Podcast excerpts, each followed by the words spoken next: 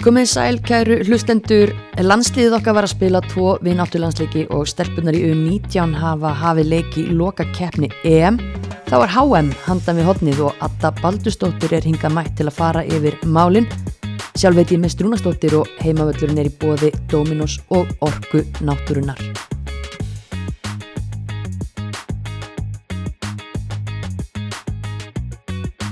Já, velkomin Adda. Takk fyrir. Hvernig hefur það? Bara mjög gott. Búin að fá bara daga hérna Reykjavík, loksins. Góðir sóladagar. Þannig ég er bara mjög fint. Já, það er kannski ekki samt mikið frí. Nei, það er ekki. Ég er endar í sumafrí í vinnunum minni en hérna ekki frí í fókbaltanum. En maður getur verið aðeins úti þar. Já, lítur ekki fókbaltan sem vinnuna þín? Er þetta bara Jú, jú, jú, alveg að hluta til sko. Þetta er náttúrulega mikil vinna en hef aldrei hort á þessum vinnu og þú veist, ekki, ég er í fullari vinnu eh, annars staðar þannig að hérna, þetta er bara hlutið af lífinu. Já, akkurat.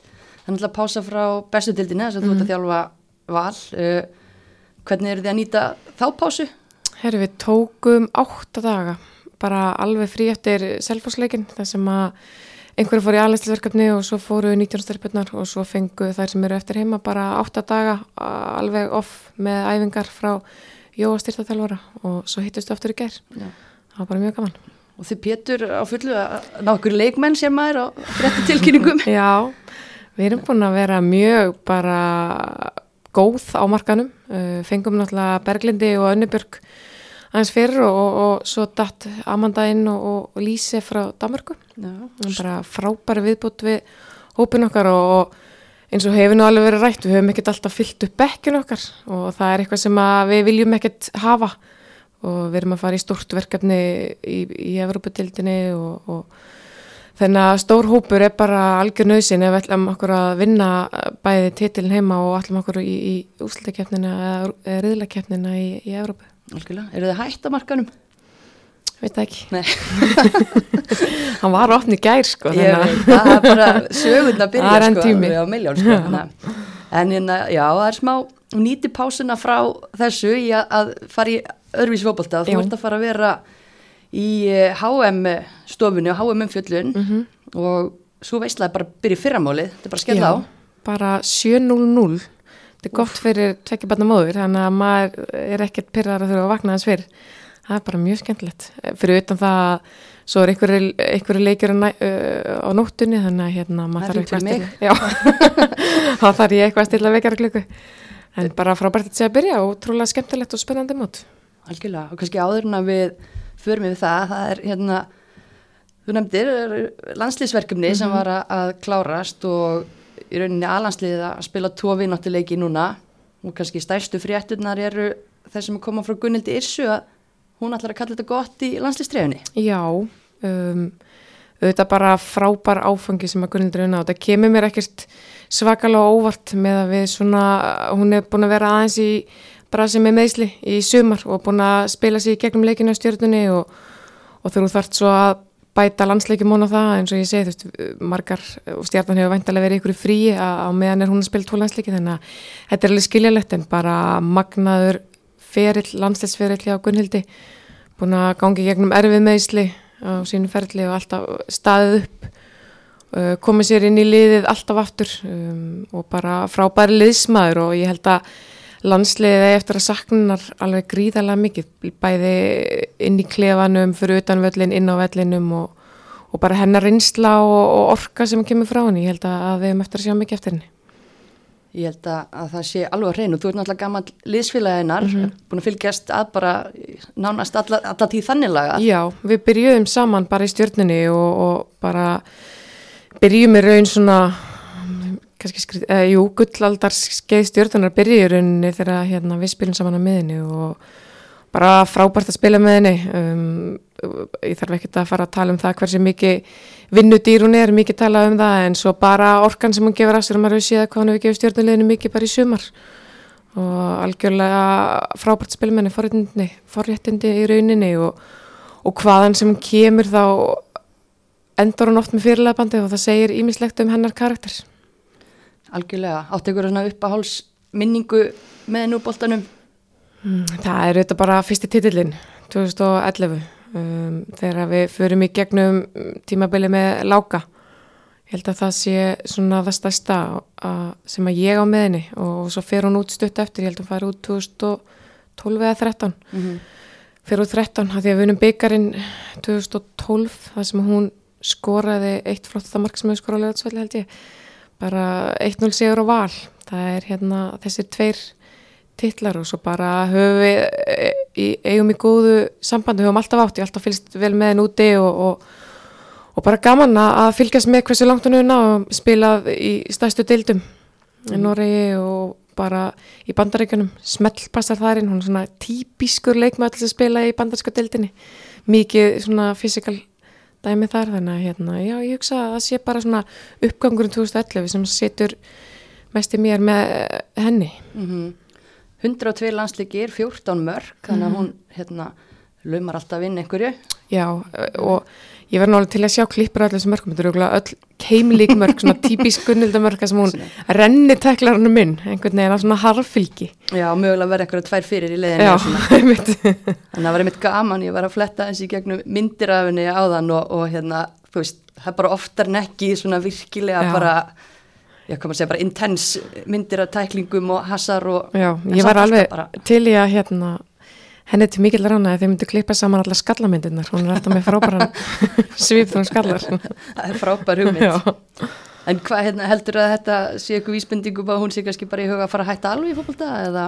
Nei, ég held ekki, hún, hún tekur ég er ekki hissi að hún takja eitt ári viðbúin stjórnunni um, í ljósi uh, stöðu stjórnunar í dildinni og að þær eru dotnar út af byggar þannig að hérna, ég get alveg trúa því að hún vilji enda þetta á byggar í, í Garabænum þannig ég, kemur ekki orðið að hún taki allavega ári viðbútt Nei, einmitt, en þetta er mikill svona já, kom sér, bara blóttaka fyrir landslið okkar og þannig mm -hmm. að reynslan svo leiðis lekur í burtu liðinu og eftir EM í fyrra eru Sandra Hallbjörra Sarabjörg Sif Uh, já, núna Gunnildur hættar og, og mhm. Berglind Björg hérna náttúrulega frá næstu mánuði hvað svona hvað þýðir þetta fyrir liðuð okkar? Þetta eru þetta og maður finnur það þú veist þegar að ég, ég, fann það mjög stert þegar ég fara að horfa á landslið áfram þegar Hallbara hættir að því að það er fyrir rosaleg reynsla og bara svona nærveran ennar inn á þennan að svo týnast úr fleiri leikmenn þú veist, leikjæstu landsliðskonan í Söru og og þetta, þetta skiptir máli líka fyrir það stelpur sem er að koma inn. Við erum með ung landslið. Þannig séð ekki margar sem hafa spilað marga leiki. Þannig að hérna, ég held að þetta hafa alveg áhrif á hópin en þá reynir bara ennþá meira á bæði steina og ása og, og svo þessa leiki leikmennu svo Glótísi og, og Karolínu Leu sem að hérna, eru svona leikil pústar í þessu liði. Ég held að reynir bara á þær fyrir að þroskast hratt. Mm -hmm. Algjörlega, þetta er svona áhugaverið tímar mm -hmm. framöndan og þú varst nú á lögatarsvelli til þess að á förstu daginn og já, fólk var ekki ánægt. Nei, ég, ég var það ekki, mér varst þetta, ég, ég veit ekki hvort ég á harta að segja, eitt svona slakasti landsleikur sem ég hef séð Íslands spila. Mm -hmm.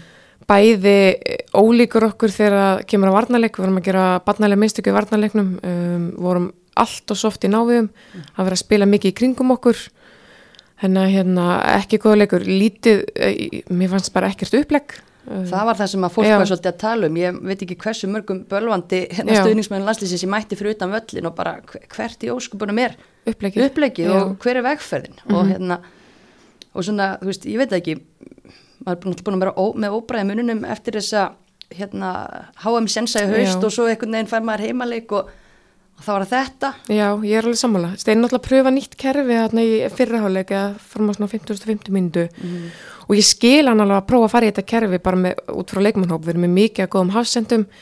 Við erum með sérstaklega í Elísu svona ekta, bara vingbekk hún er bara, þessi staða hendar henni óbáslega vel. Og svo eru við ekki með þessa svona typikal nýju uh, hann hefur verið svolítið trefur að nota svindisi upp á topp en neyðist þess í, í þessari stöðu og þetta er svona öðruvísi kerfi þar sem að senderar geta farið svona aðeins í breytina og stungi sér á bakvið þannig að hérna en samt fannst mér upplegið skrítið. Mér veist, vorum að fá mjög fljótt bolta úr, úr varnarleiknum. Við vorum að sjá bara langa bolta í þau skipti sem að Svindís kemst í gegn, það voru að boltar beint frá vördinni þannig að miðjan var lítið í spilinu og droppuðum allt og langt og í vörnina. Þannig að ég er alveg sammála lítið uppleg og má svona smá vonlös eftir hennar leik eh, hérna ef ég á eins og er. Mhm.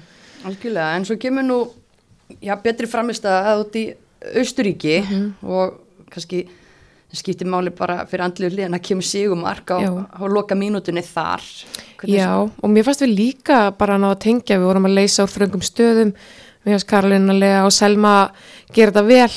Uh, aftur kemur, mér fannst Lín með góða innkomu á lögatsvöldinu, kemur aftur með góða innkomu í þessum leik og mér finnst hún alveg gera tilkalli að byrja hjá Íslenska landsleginn sérstaklega núna þar sem að hún er óbærslega heit í Svíþjóð. Mhm. og svona einn af fáum leikmenn sem er í miklu spilformi. Líka leikmenn sem að óbærslega áraðin, hún getur spila sender góð, í, góð með boltan í, í hérna löpunum, sterk snögg, þannig að hérna mér finnst það jákvætt. Uh, og mér finnst miðjan svona loksins funkar að vel og, og svona mikið jákvæðum spilköflum en við þurfum að tengja fleiri heldur en korter hér, korter þar og þurfum að tengja inn í næsta leik og það sem ég svona vil fara að sjá er meira svona handbrað steina því að það sem að sá, hann gerir breyðafleik spilaði hann á morgum, móti mörgum liðum hjá hann og, og þar var mjög skýrt leikplan, það bara við, maður vissi nákvæmlega hvað breyðafleik var að gera og það gerði það mjög rútínir og vel. Þetta er allt öðru sem að fara stuttan tíma með landsliði en, en svona vona að við förum að tengja saman leiki og förum að sjá hvað við erum að reyna að gera. Já, líka bara, mér hugsa bara um blikana undir stjórn steina. Bara þær þóra, Já, algjörlega óhrættar en mér finnst það bara búið að vera akkurat anstæðan í þessum landsleikjum því miður, maður hugsa bara hræðsla. Já, sammála og, og þeir leikmenn sem við viljum að séu mest á boltanum eru margar tek Karlínu leðu sem svona mestadæmi og Selma er líka mjög góð á boltan, hún er betri í fótboll heldur en heldur en marga grunar og hérna örug með boltan. Þannig að við, mér finnst þau alveg geta notið, notað miðjun okkar tölvört meira í bara tengingu á liðinu, oft mikið bil á milli og, og svo eru við líka með dagni kemur vonandi inn í þetta aftur. Og, og það er náttúrulega leikmann sem líka góður á boltan þannig að hérna vonandi fyrir að sjá svona aðeins meira að við nýtum styrkleikun okkar af því að það eru miklu meiri styrkleikar liðin heldur en það að við nýtum bara hraðan og svindist tjén Akkurat, það er alveg spottun og framöndan náttúrulega krefjandi þjóðadeild hefst í september, þar eru við að bara að mæta Wales eh, heima og síðan er það ekkert grína Þískaland úti, Danmörk heima Já. og svo, svo speklum við þetta og þetta klárast allt í desember.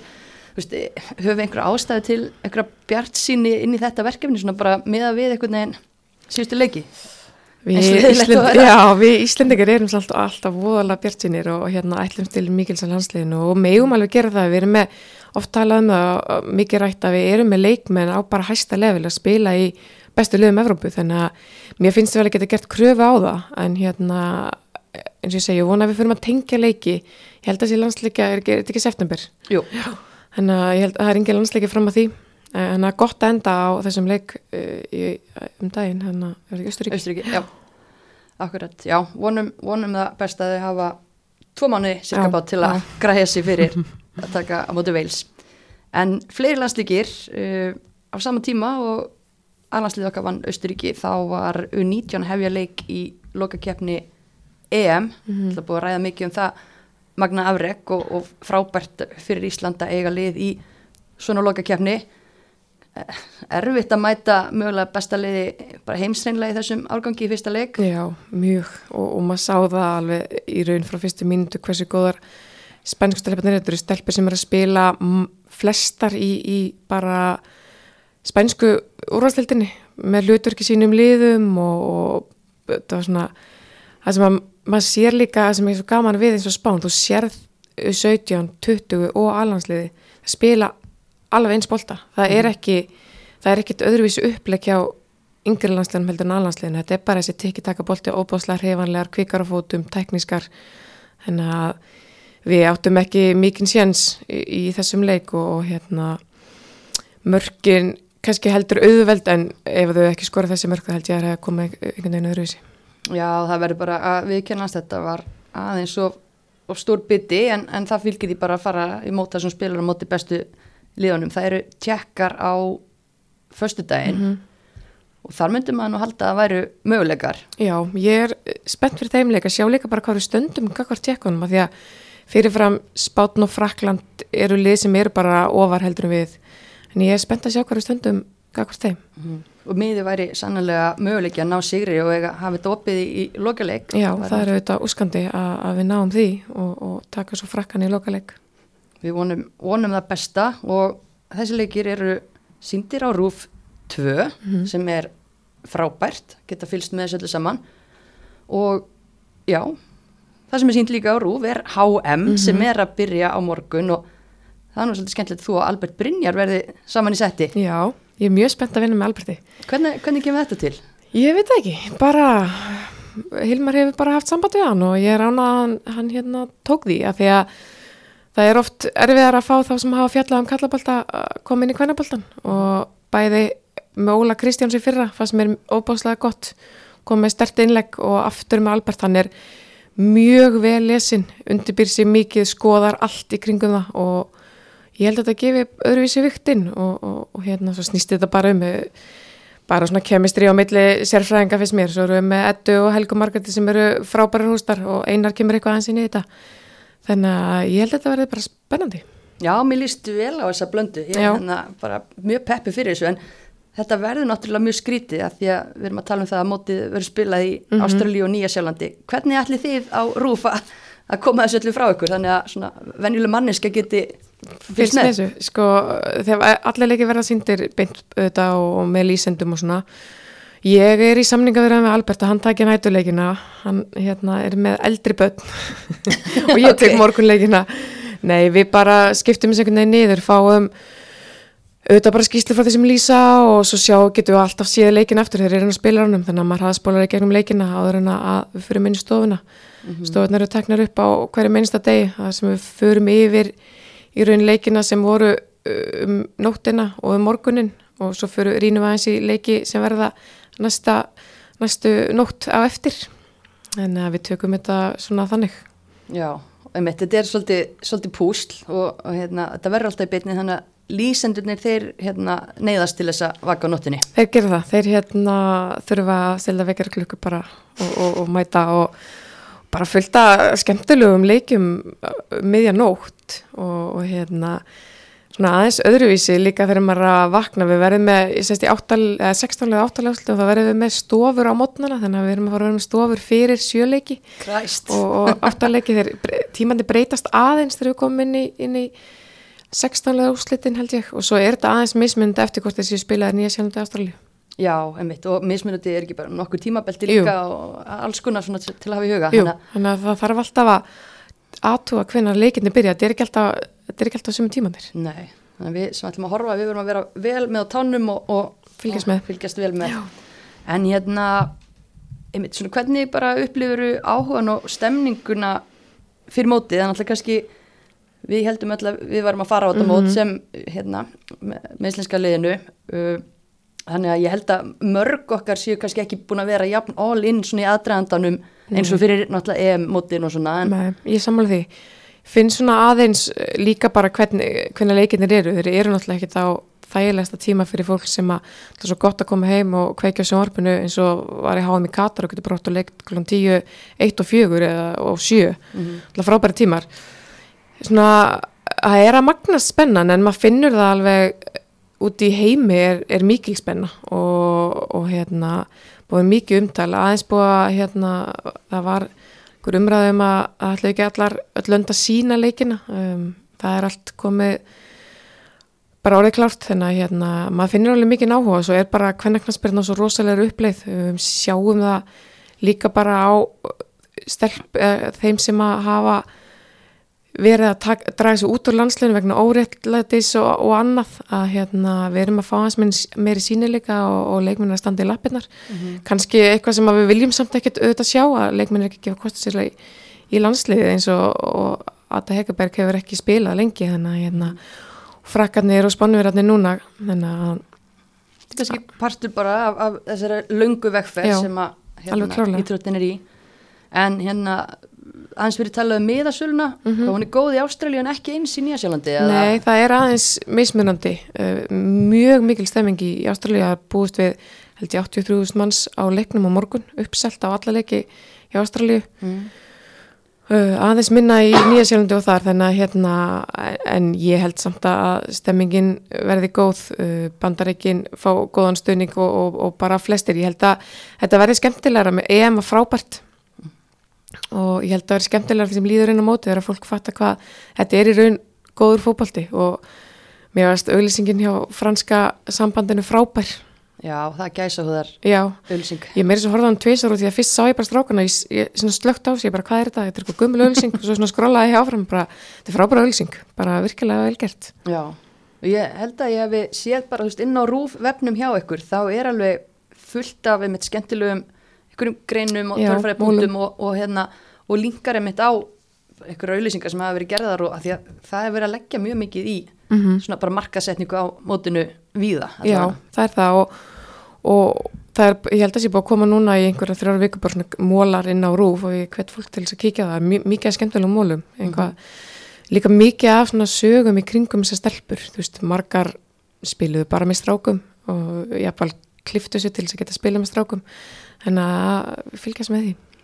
Já, algjörlega og einmitt af því að núna er þetta stærsta móti til þessa, við erum að, að tala um að, liðum fjölgar í 32, 8 reyla fjögulið og það segir okkur það að, að við erum að fara að kynast miklu fleiri leikmunum og þjóðum heldur en áður. Já, bara lið sem að maður hefur ekkert séð spila eins og Afrikuliðin mörg sem að allavega ég hef ekki séð mikið af spila, ég er spennt að sjá það og þessi lið eru miklu betri heldur en ég bjóst við. Þegar maður er að skoða bæði leikmenn og, og liðin sjálf. Þannig að hérna auðvitað voru við svegt að komast ekki áfram en við sjáum samt að þetta eru bara 32 góðlið vonandi svo kannski kom einhverju stóri skellir inn á milli en, en það gerist nú líka kalla megin þannig að það er bara eins og það er. Mm En kannski að við rennum bara svona hratt og öruglega aðeins yfir þessa riðla. Það eru náttúrulega tvær heimaþjóðir sem er áhugavert og í arðili eru nýsjálendingar með Noregi, Filipsum og Sviss. Hvað eru svona fyrstu, fyrsta sem poppar upp í kollina þér þegar þú bara Það- læst yfir þetta?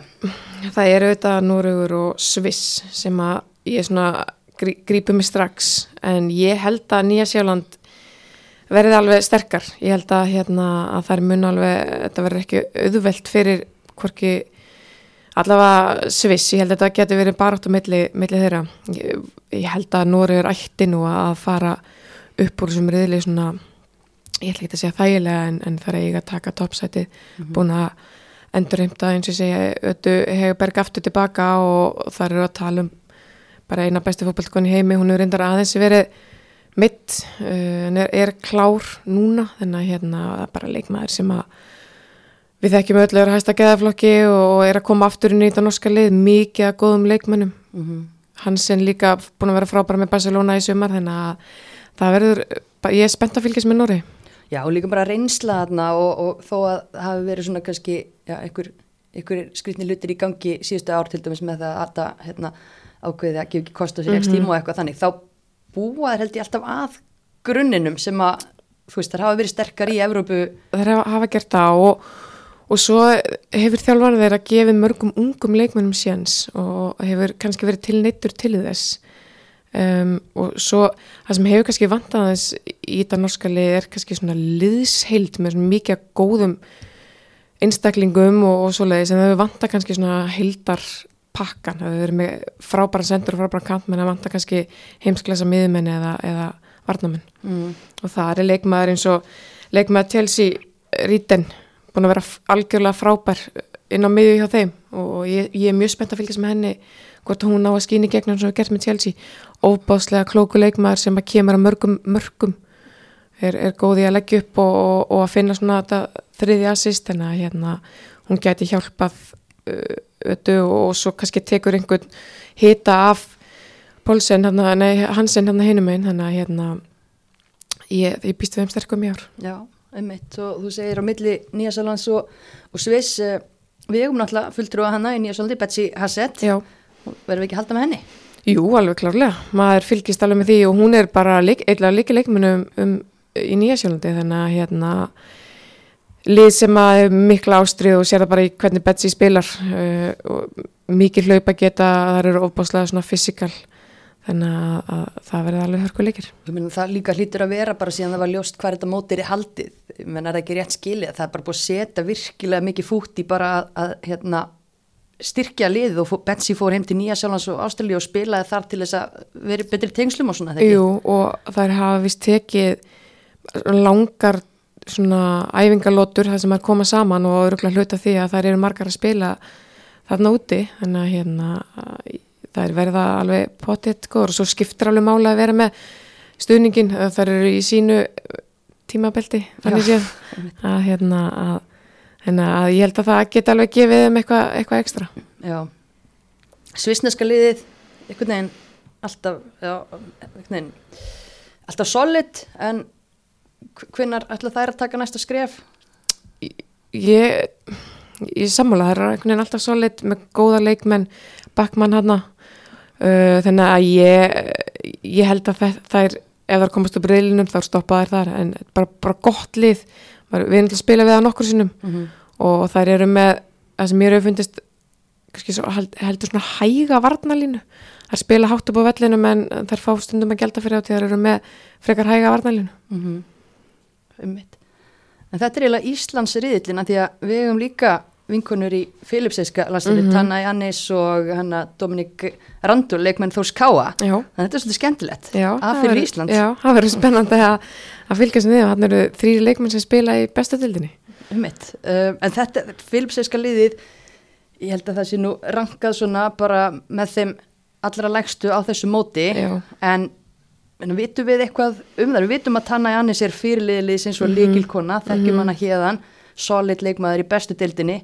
Dominík búin að vera öflug líka fyrir Þór Káa. Já, ég, ég veit ekki mikið um þetta lið þannig séð sko, en, en með að við án þess að gera lítið úr bestu dildinni að með að við að þetta eru kannski svona líki leikmenni í, í þeirra liði og svo erum við að horfa á nöfnum úr öðrum stórliðum sem er að spila í heimi að þá eru, eru þær ekki að fara eiga séns en þetta bara frábær einsla og gaman að taka þátt í þessu eitthvað sem við Íslendingar viljum potið gera og bara reysa stórt mót Mm -hmm.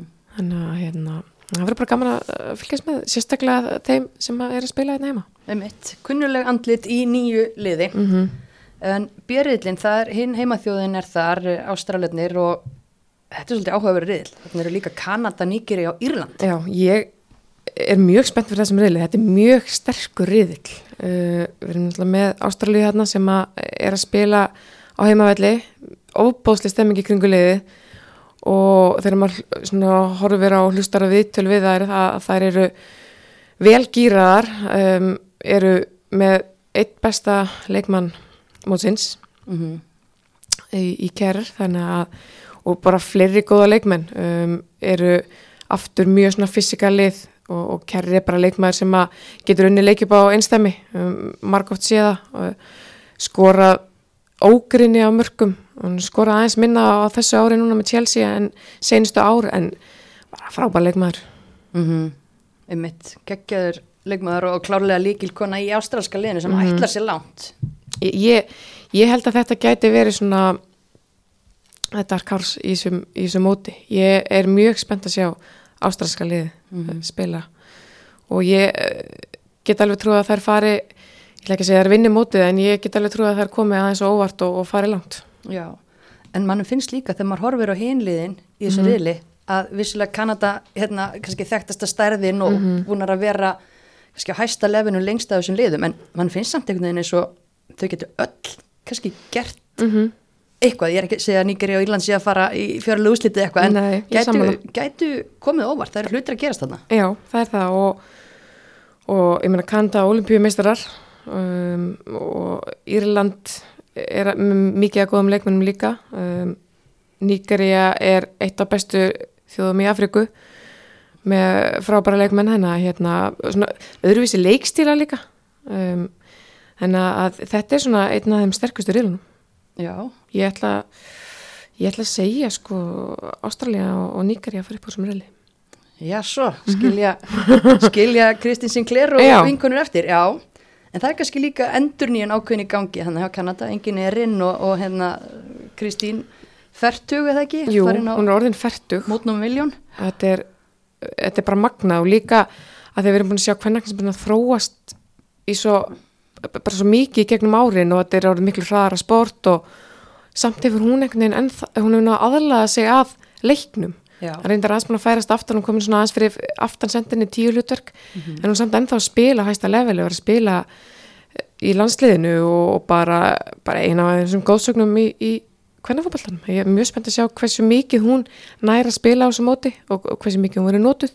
Ef verið að fara að velja leiki fyrir hana eða, eða bara verið að fara að keira á hana ég ætla að gefa mér þessi senasta mótið hannars já, kannski tekur hún form miklu á Já. þetta og tekur eitt viðbót Já. en já, eh, þú veist leikmaður sem við viljum hafa á þessu móti með sama hversu marga mínúturnar Já. verða alveg klárlega og svo verður gaman að sjá börsungin í framlínu Nígeri nær hún að framkama sömu hluti með nígeriska landsliðin eins og með Barcelona ég er náttúrulega með allt öðru þessi leikmenni kringu þig og, og, en þær spila samt ég, ætla ekki að segja að spila svipaðan fótbolta en þær eru mjög spila háprössubolta vilja sækja mikið um, og, og sækja bakverðunum sínum þannig að hérna, ég, það verður spennandi að sjá hvernig það er að koma til leiks hvort það er horfið bara á það að það er að spila sinn leik. Þannig að ég, hún verður bara einn af betri leikmennum heims. Það er alltaf gott að vera með þannig leikmenn í liðinu.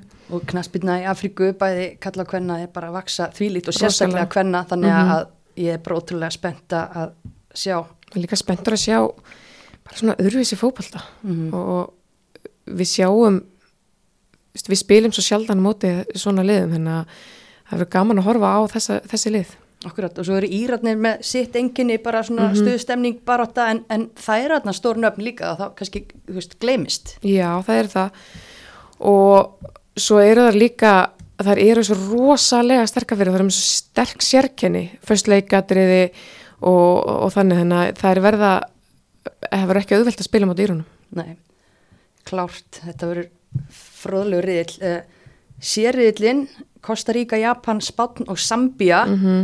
líka svona fjölbreyttur riðill ef maður horfir á, á leikstíla og svona fótboltakúltúr. já, En kannski svona virðist kalla meira á mann hva, hver niðurstaðan verður í, í þessu riðli. Já, spánverjarnir eiga að fara bara ég, nokkuð auðvildlega með þetta, svona fyrirfram. Þar eiga og, og svo er það Japan sem er líka lið á eh, uppleið, ef maður hægt að segja, það er náttúrulega bara lið sem maður vanur eh, þegar ég var að byrja að fylgjast með fókbalta þá er Japan eitt af bara sterkustu þjóðum heims og bóðslega erfitt að spila um mótum, þú ert bara eins og sért inn í reytabólta allan tíman spilaðum mótum á Algarvi og það- þú hleypir bara í ringir rosalega teknískar með lágan þingdastöðul og, og, og bara góðar, þær, þær eru á leiðin upp aftur. Já, og svo er það náttúrulega spátt sem að er með frábært lið en líka nokkuð spurningamerki.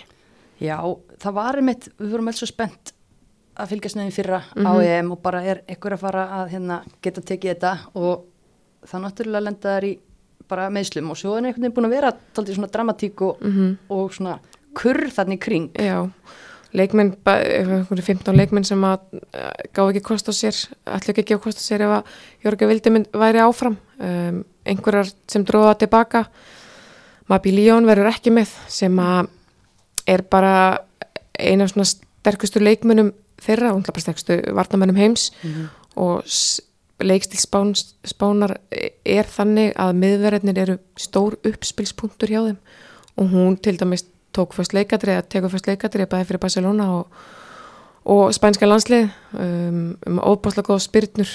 Eina bara topp leikmennum heims í að gefa fram á við og þessar svona úslita sendingar þannig að hérna það verður spennandi að sjá hvernig það er takast á við það pluss að Puteja sér að koma tilbaka, Hermosa er að koma tilbaka. Hvað fara leikmenn aftur inn í skilina, við sáum Bonamati var frábær á, E- EM um, búin að vera frábær í vetur líka og hvort að Putejas sé að fara að spila sér í gang, hún hefur ekki að klára uh, 90 mínútur eftir crossbandsleitin í, í fyrra. En að mörg spurningamerki. En eru með eh, mikið af ungum og góðum leikmennum Ummitt, ég menna þessi yngri landsliðin sem búin að tala um áðan, þetta bara, þetta er allt drillað á, á sama hátt einhvern veginn og, og þvíli gæði og, og titlar í öllum þessum yngri landsliðum, er þetta verða bara svona færiband eitthvað? Já, verðist vera. Og samt er þetta í raun svona ungt eh, það er ekki langt síðan að spænski kvennaboltin var svona stór. Og ég held að er það ekki heimsmestri í 17 og 20 Jú, ég held að. og, já, og hérna og Jörgur Vildi er búin að þjálfa þær flestar. Þjálfaði bæði yngirlandsliðin og, og hérna er núna með margar sem hann þjálfaði þar í þessu spænska lið þannig að þær þekkja hann vel og hann, hann þekkir þær. Þannig að spurning hvort að þetta kurr sem hefur verið fyrir mót hvort að það í raun bústið er upp eða hvort að þetta dræðir eitthvað niður og, og, og hvort að leikmenn halda áfram að skína þótt að stjórnunda séu komnur aftur inn. Mm Einmitt og burt sér frá því hvað nákvæmlega gerist þá held ég að við verðum að setja þá kröfu bara á spánverðina að þær vippi sér upp úr þessu og, og þá Japan með þeim, Costa Rica og Zambia Kar Karabíst og, og meira afríst. Já, ég, eins og ég segi, ég veit ekki alveg hverju um að búast þar. Þetta eru bara lið Costa Rica mjög, horfðan einhvern þátt um daginn það sem að vera að sína frá hvernig það er komist á óbáslega mikil ástriða í þeim. Og, og ég held að, að annarkvort verða leikinir, þetta verða hörkuleikir eða þá þetta verða skellir.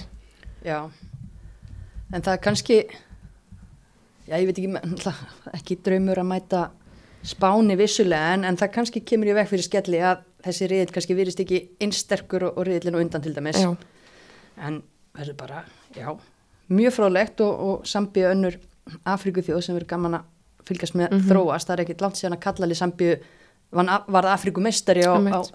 óvandan hátt og, og mikil st- stemning þar í landi.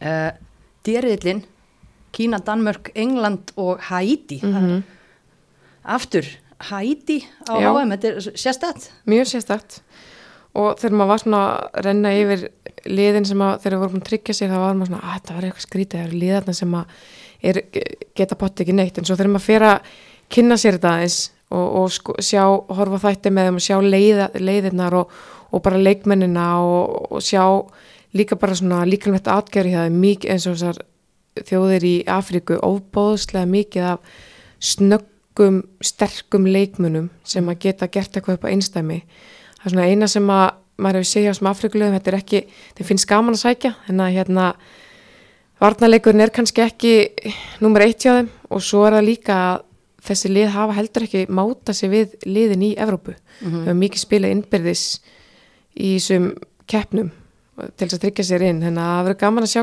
hvar þessar þjóðir standa hvert þessum stæstu.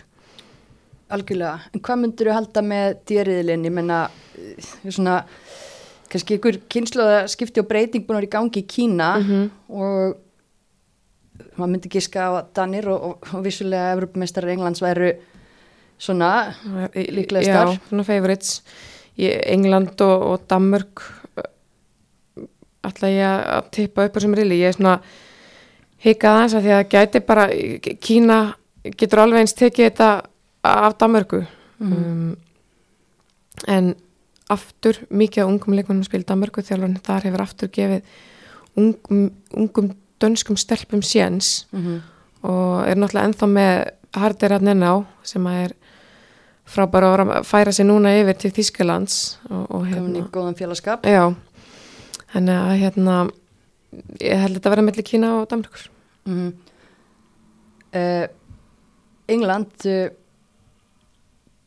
það er meðisla bras þar á bæ sem er kannski já, bara mjög súrt vissulega fyrir England, en líka kannski bara fyrir okkur sem ætlum að horfa á, á mótið, Já. maður hugsaði er alvöru kontentir komin, en Mhm. England án þessara líkilmanna sem verða ekki með eru þær með nú gott lið til þess að gera allu að heimsmeistaratilli Mér finnst þetta óbáslega stór skörð og sérstaklega í Líu Williams. Mér finnst hún, hún var stórkostleg á, á senasta móti og Beth Mead náttúrulega var hann markaðist eða ekki, jú. En að hérna mér finnst þetta eiginlega of stórt til þess að það er klári HM af því að þar eru við að fá inn líka bara eins og bandaríkin og, og ég held að frakkarnir verði sterkir og, og þess áttar þannig að ég held að það fara ekki allar leið því miður. Nei, Sarína Víkmann, ég menna síðugöngu hennar er svo sem Loki hafi ekki gengið eitthvað brjálæslega vel núna í síðustu Nei, leikjum. nei, hafa lítið skora, ég held að séu búin að spila 2-0 leiki og svo 1-2-1 leik þannig að ólíkt ennskaliðin á EM þá er það ekki að skora eins mikið og það er auðvitað augljóst merkja að Mead er ekki með Mm -hmm. þannig að hérna bara það að fara upp úr þessum riðli en það er spurningir, ég er ekki alveg búin að skoða hver, hverju það mæta ef, þegar það kom upp Já. það þurfa að vera hefnar með, með það en svo er samt bara Serena Víkmann er náttúrulega bara sigurveri og hún getur búið til óbáslega sterkar liðsildur hún síðan bæði með Holland og, og England og hvernig hún gerði það í fyrir en svo er það líka þeir eru það Europamistrar á heimavelli og heimavelli fyrir England er ekstra mikið.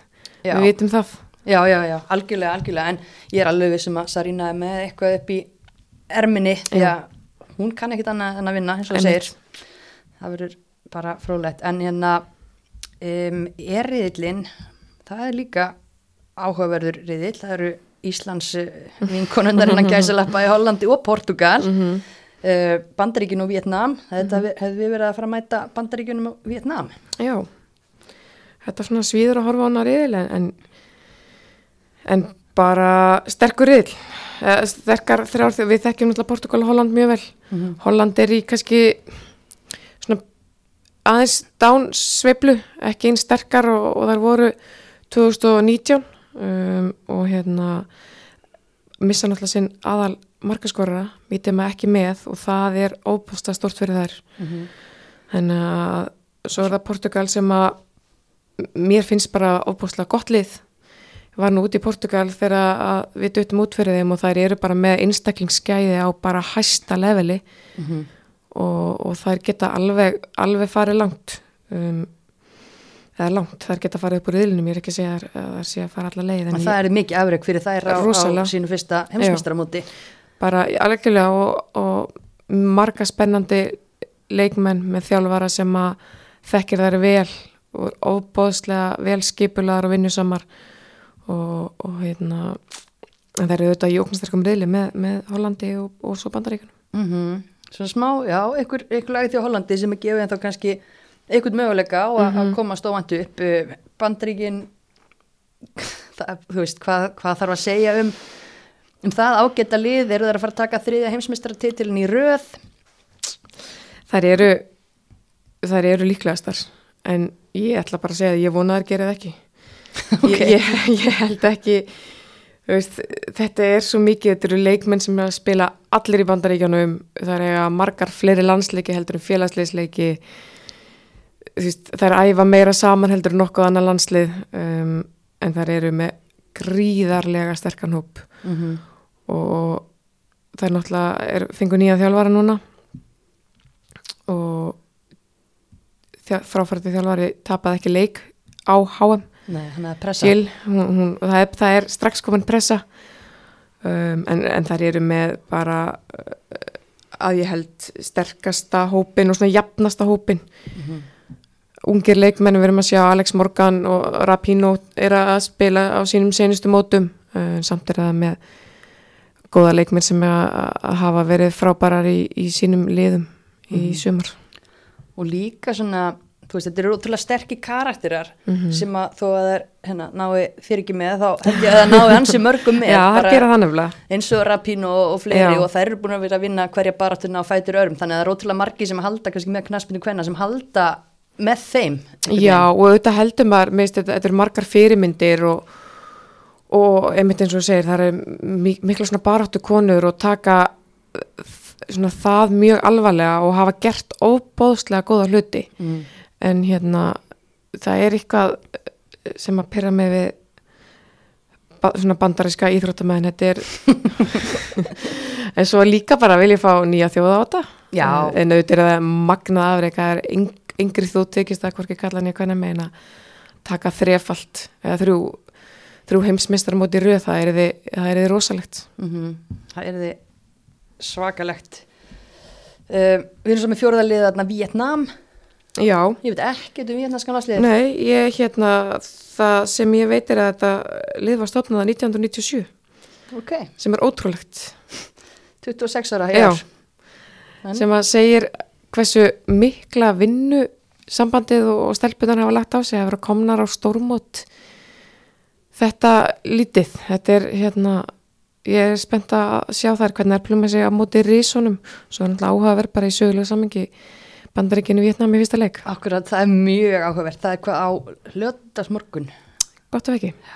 Minni það, það var alveg, það var- þetta vaka eftir því. Já, að- það er alveg þetta.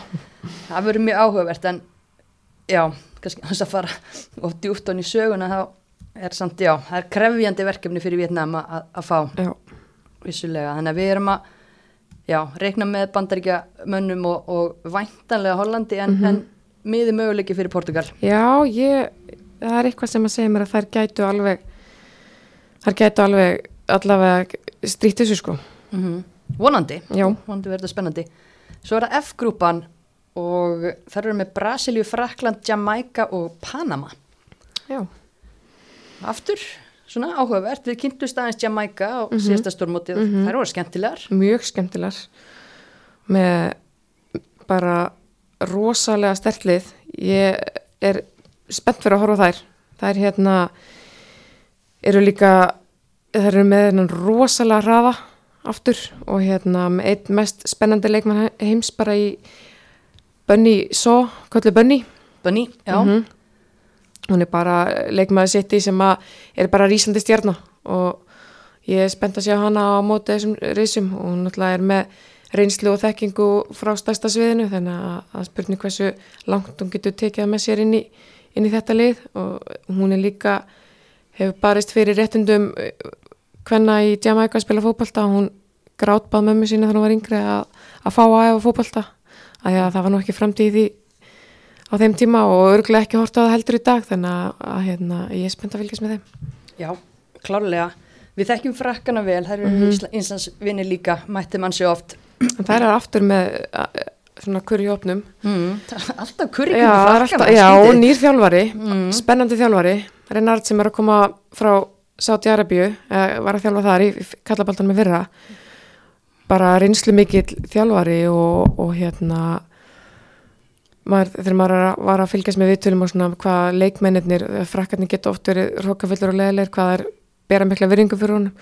Og svona mín upplifun af EM í fyrra er að það var aldrei nægileg stemming til þess að fara með þetta lið alla leitur lið sem maður er búin að býða eftir. Óbóðslega sterkar leikmenn. Og hún skildi eftir sömmer, til dæmis sömmer sem er með í ár. Já, en að hérna að, ég held að frak, frakkarnir vera góðar. Já, maður vonar það því eins og segir, ma maður er búin að býða eftir þeim bara á síðustu stórmótu, hvað sem það er HM eða EM en það er alltaf einhvað að kemistri en annað. Já, það er nefnilega máli, kemistriðan og maður finnst svona með hvernig Renard gerði, gerði með Sáti Arabíu uh, í Katari fyrra að, að maður með mikla virðingu og, og getur haldið þessum drottningum niðri af því að það virðist að vera svona ekki alveg allir á sömu línu?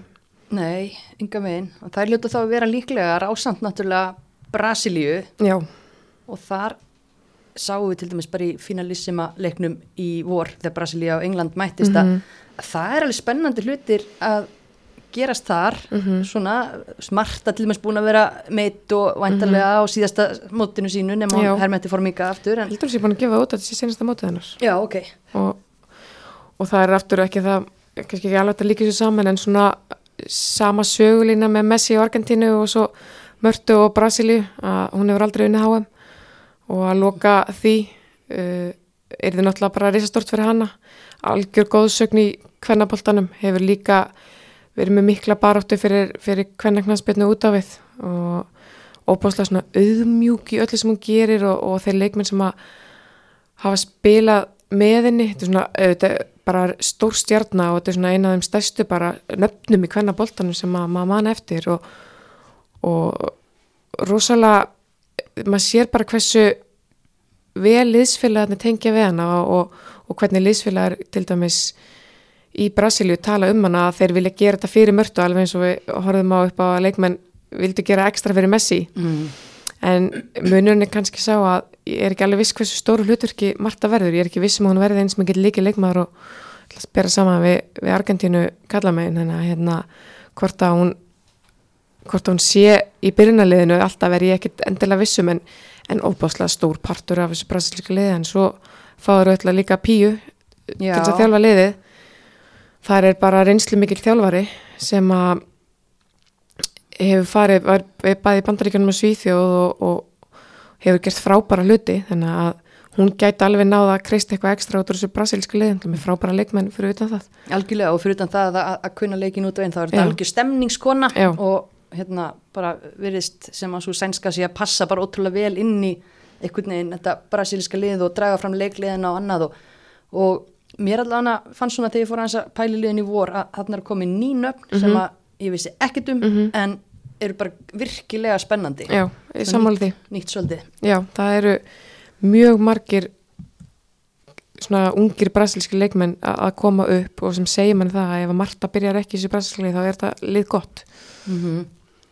En hvað, hérna, Panama, mið-Ameríku, smáríki, Panama við skurðin, hérna, það, er eitthvað vitað um, um það lið, þú veist, á svona st- stóru sviði, þannig lagað? Nei, svo sem ekki, þetta er bara svipað og það eru svona hver- riðill er meitt svona Haiti, Vietnam og Panama, þeir svona fylgja með uh, í þessum sterkur riðilum bara uh, ekkert sem að við vitum í raun um sko, ég er bara spennt að sjá sér lið sem að er erfitt bæði að afla sér upplýsinga um, bæði misvísindi upplýsingar og svo bara eru engar upplýsingar um leikmenn eða allar að spila í Vietnam og, og hérna bara s- spennandi að sjá þær aftur móta sig við risana hana. Mm uh, já, svo er það G-grúpan, Argentína, Ítalía, uh, Suður Afrika mm og uh, Svíþjóð. Já, Það er, hvað, bara Svíþjóð og Ítalía eiga að fara upp úr upp úr þessum riðli. Nokkuð svona auðveldlega Argentína, e, þær eru með gott lið um, en ég held að bæði Ítalía og Svíþjóð eru bara með sterkarlega á, á papirum og, og reynslu meiri þjálfara og, og, og betri einstaklinga, ég held að bæði þau lið eigi, eigi að fara upp úr ri- riðli. Svíþjóð náttúrulega með mjög reynslu mikið og svona kannski frekar eldra lið en hafa verið aðeins meðsla vandræðum sérstaklega í vörninni, Hanna Glas ekki með og, og hérna hérna hann hefur aðeins verið að púsla varnalínunni saman og Sjögran hefur ekki Seger hefur ekki verið hérna að spila mikið í Rosengard hún er búin að klukka einhver 120 mínútur í sumar einn af þessum kempum sem er að Já. fara þarna fyrir moral support kannski að einhver leiti. ég samt haldið það í, í svolítið tíma með Seger að hún sé þannig en svo spila hún hvert leikinu fætur með sænska landsliðinu og hefur verið góð í þeim en eðlilega er aðeins fara að draga af og, og það að svona eldri leikmar er búin að spila svona lítið í sumar það, það getur alveg skipt máli. Mhm. algjörlega, en eins og nefnir Ítalía og Svíþjóð þessi, þjóðir eru bara nokkrum árum, ef ekki áratöfum og undan í sinni þróun, Já, en bara ánægilegt að, að vonandi bara kemur eða Skemmt, bæði þessi lið bara sterkar inn á þessu móti heldur en því síðasta. Já. Og hérna eitthvað, eitthvað nýtt fyrir okkur að, að spurning kynnast með Ítalju hvernig þær eru þær heitluðum ekki á, á EM. Mikið verið að hrópla í liðinu og líki leikminna eins og í leiknum út okkur sem að byrja á, á bekknum. Mm þannig að en það er eiga að fara upp á sem liði Já, akkurat, heldur að ítalska liðið sé sterkara í ár heldur en á EM? Mm, Já, ég held það. Líka út af því að við höfum séð Róma í, í vetur. Mm. ofbóðslega sterkar, hann er margir leikmenn Róma sem er að spila í ítalska landsliðinu. Um, mjög sterkar í, á Ítalju og gerur líka góða hluti í meistaradildinni þannig að ég býst við þeim sterkara heldur en á ég Já, ég vonaði eiginlega smá að því að Já. það náði ekki alveg að, hérna, að tikka Nei, samanlega því Uh, síðust en ekki síst, Hágrúpan, Mhm. uh, Kolumbía, Þískaland, Kórea og Marokko Mhm. og þarna hugsa maður Þískaland, Já. ding, ding, ding, þær eru búin að dominera Evrópu eins og bandaríkin hafa dominerað HM svona gegnum árin. Það er svona, Þískaland hafi verið eitt af þessum reysum sem var hefnist með reyðlinn sinn um, Þískaland er eina liði sem kallar Róman hann Er þetta slagast í reyðlinn? Já, ég myndi segja það. Þetta eru, já, þetta er slagasti reyðlinn. Kólumbía eru sterkar samt og spurning með söðu kóri hversu langt þær eru komnar. Mm -hmm. Þannig að þetta á að vera easy fyrir, fyrir Þískaland og svo sjáum við hvort hvaða lið fylgið þeim eftir Hvað myndir þú tippa ef þú þurftir að setja hundrakalla á það? Kólumbíu. Kolumbíu, frekar. Það er bara stemminguna. Já, ok Marokko og einhvern veginn vantilega algjörlega óþekkt Já, stærð það líka er það. en ennin Afríku þjóðin og, og Norður Afríku þjóð þannig að ég er líka mitt spennt að sjá bara svona Mhm. kultúrin og Fótboltan. já, þannig að, að þetta er, já, þetta er áhugavert þetta er allan að riðlarnir og, og margar mjög þekktar stærðir og, Mhm. og margar alls ekki þekktar stærðir Já. um, en svona hvað áhrif heldur að það hafi á móti sjálf bara hafa verið að fjölga Sko með við uppgangin í kvennafótbolta, hversu marga þjóðir við erum að sjá koma upp að þá held ég að það hafi jákvæð áhrif. Bara Já. bæði vonandi eru leikmenn og liðin sem er að spila í uh, sambundin að setja hans meira ekstra púður í þetta að sjá að, að þarna er stóra sviði og, og við sjáum fleiri þjóðir, fleiri leiki og, og ég vona að við sjáum ekki mikið af stórum tölum. En eh, það, það koma einhverjir en ég vona að það gerist ekki mikið þannig að ég held að þetta er bara jákvætt. Mm -hmm. þetta er líka bara jákvætt fyrir okkur að vonandi komist við þá einhvern veginn inn. Já, heldur betur. En svona það kom daldi svona rauðu þráður þegar þú varst að tala um hérna lið og, og leikmenn. Það eru ansi margi leikmenn að missa á þessu móti vegna Mhm. meðsla alveg óbáslega, mikið af sterkum leikmennum bara sorglegt í raun og veru. Og þá sérstaklega kannski englendingarnir sem að lenda illa í Holland með sína sterkastu leikmann, sterkasta leikmann. Þannig að bara vond að sjá en jákvæmt að við erum að fá Puteas aftur á ógnarhraðinni þetta eftir hræðileg vombrið að slíta viku fyrir EM. Já, það var ógeðslegt. Já, Einmitt, já, en pff, vonandi samt, þú veist, það er alltaf búið að tala svolítið mikið um það núna bara þessar nýju íþróttaransóknir og, og Mhm. annað mikið til af þessum meðslum er væntalega þetta reykja bara til, hvað maður segja, bara búnaðurinn er ekki nú hvern miðaður og, og annað, ég meina, eh, heldur að, þú veist, við að komast betur hjá meðslum bara með þessum nýju rannsóknum öllum? Ég vona það.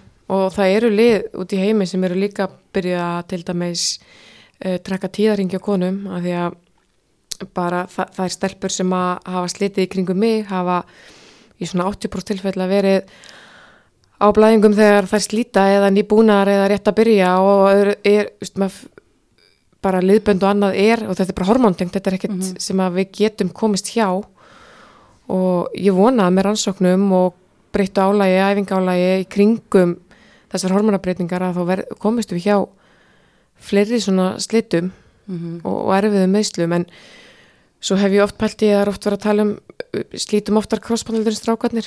Og, en svo fyrir ég að hugsa einhvern veginn, ég- það er yngar rannsóknar á bakveð en mér finnst strákarnir oft lendi verið vöðvatóknunum heldur en stelpur. En maður hugsa bara svona ofta að fara lengra í því sko Mhm. þannig að það er pottet, ég meina við þurfum að vera með einhvers konar öðruvísi styrtaþjálfun og, og, og bara bara svo slemt að fá þessi, þessi crossbandslit og því að þetta er eitthvað sem að, eina sem að bara virkar í tíminn, það er ekkert eitthvað hvað ertu duglega í rættinni eða hvað ertu duglega að gera æfingarna þínar eða eitthvað annað, mm -hmm. hugsa um þau þetta skiptir að máli en þannig er það bara tíminn sem að vinna með þér Já, einmitt. Vonandi bara fáum við þessar hérna knarsbyttukonur allar sterkar inn -hmm. á næsta, næsta stórmót. En hvað svona, hver er þetta spenntust fyrir á mótinu? leikmennum Já, eða bara, Ég er bara, ég, ég er spennt að sjá uh, hvernig hvort það sé mikið bil á milli eins og Afriku þjóðana og Evropa þjóðana og Ameriku þjóðana og svona Að fá svör. Já, að fá svör við því, ég er mjög spennt að sjá það ég er líka spennt að sjá hvort að þessir ungu leikmenn um, haldi áfram að spila vel fyrir landsliðin sín eins og þeir hafa verið að gera dildornum sínum heima. Mm, um, og aftur Mörtu, Sinclair og sem eldri Segerg hversu langt náður að halda í. Mm við hraðan í leiknum hraðan er orðin óbáslega mikil já, og líka bara sjá hversu langt við erum komin með þjálfun. Um, taktistlega séð hvernig breyta þjálfarar inn í leikjum uh, hvernig leikja leikinu öðruvísu upp það er komið svo miklu meiri tækni og, og staffi kringum þetta ég er spennt að sjá það líka mm algjörlega. Þú talar um það að bandaríkin væru sígu stránglegust, mm Mhm. hafa unnið þetta fjóru sinni þar á hérna, tvisari röðu núna. Uh, hvaða önnur lið geta unnið þetta? um, Spán, England, Frakland Puntur. ég, ég með svak fyrir þið en ég held að þær fari ekki alla leið en, en þær geta alveg farið langt samt Já. um, ég held að Nóriður sé ekki Þískaland auðvitað Mm það er þessi stæstu Já. Ertu með eitthvað annað innbútt Nei, svo sem ekki, sko. Ég hérna bara held þetta að vera í bandaríkinn. já, En hérna, það er kimberljós. já, Ég er samt bara alltaf tím Afrika, þannig að er bara að gera nýgirja eitthvað, geggja. Það er Já, líklegast að Jamaica. þeim. Um, en svona að leikmunum, að því að við erum inn í bóði orku náttúrunar og við viljum alltaf vita svona hverjum er gott að hafa augun á. Þú veist, ef þú ættir að taka til bara nokkar leikmenn sem eru að fara að mæta bara ógeislega vel hlaðnar inn í þetta og verða bara alveg on og verða verið on fyrir sín, sínlið, já ég tala aðeins um hérna Bonnie sá áðan í Jamaiku, ég er mjög hrifin af henni og hún er markahæst yfir bara mest skoruð mörg Jamaiku bæði kalla hvenna megin. Um, Hún er samt ekki gömul. Nei, ég held hún sé 26 ára. Jafnvel yngri sko. Já. en að hérna ég er spennt að sjá hana. Um, ég nefndi Bon Mati á hann hjá Spáni uh, hvort að hún bæði halda áfram að taka eh, tímabil með Barcelona leikmaður sem kemur á óbáslega mörgum mörgum, leggur upp mikið um, þetta er bara svona einn af mínum uppáhaldsmiðmennum í heiminum, gaman að fylgjast með henni svona box-to-box spilari. Ég líka uh, áhugavert að sjá hvern, hvort hún aftur haldi áfram þegar Puteas er komin eða hvort hún bara skýni ennþá meira út í þegar liðin þurfa að fara að loka á Puteas núna. Mm um, samkerri hjá Ástralíu. Mjög spennt að sjá hana uh, nefndan aðeins aðan uh, Sophie Smith hjá Bandaríkjunum. Leikmaður sem hefur verið frábær í bæði núna í dildinni sem er byrjuð og í fyrra þá var hún markahæstaði held og bara kosin MVP deildarinnar 22 ára. Það er ekki amalegt. Nei, getur spila bæði frammi og kanti með mikinn hraða og þetta er svona leikmaður sem þú horfur á og er tilbúin til að standa upp. Svona rosalega einstaklingsskeiði um, ég er líka spennt að sjá hvort Keira Wales minni halda áfram að spila vel, spila vel með Barcelona. Hún er að missa eins og ég segi líu fyrir aftan sig. Mm -hmm. hún, hún þarf að vera góð ef England á að tekka og hún er svona einhvern veginn uppspilspunktur bæði fyrir vörnina og svo tengilur í sóknina hjá Englandi. Að hún verður eiga gott mót með rosalega hátt sendingarhlutu að leikjum. Já. ég held hún sé með eitt hæsta sendingarhlutu í bara spænsku dildinu og það eru er með mjög góðar sendingakonur þannig að hérna, það er óbáslega stert um, já Írina Paredas í, í, á Spáni. Er hún að fara hún er að missa Mabi Líón bara makkarinn sinn bæði í landsliðinu Mm og í Barcelona. Hvernig tekst hún á við það? Hún, hún þarf þá að vera uppspilspunkturinn. Um, Stóri skór. mjög stóri skór. Svo er þetta auðvitað þekkt stærði eins og bara Alessandra Poppi á Þýskalandi. Um, aft, annar uppál, einu af mínum uppálsleikminu er Lena Oberdorf í Þýskalandi Mhm.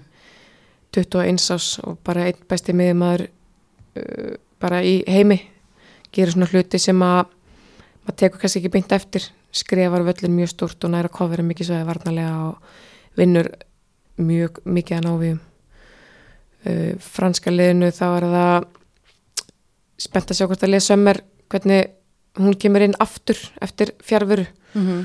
Brjálið. Já, alveg og skaphundur mikill þannig að hérna já, þetta er svona þeir leikmenn sem að að standa upp úr. Ég er svona spennt að fylgjast með. Þetta er svona nóg á nöfnum að, hafa augun á og ekki öll kannski það þekta að, að svona meðal knaspinu áhuga maðurinn þekki þau fyrir mót. með svo líka svo Selma Bakka hjá í Fraklandi Mm -hmm. mm, verður mikilvæg Katóto ekki með um, verður mikilvæg bæði í vörðnarsóknur þær þannig að spila mikið með bakverðina sína hátu uppi. Já, hún var flott á síðasta Mér finnst hún móti. frábær og- á og sínasta hérna- móti. Já, en að, hún er uh, spennandi leikmaður líka hvort hún halda áfram.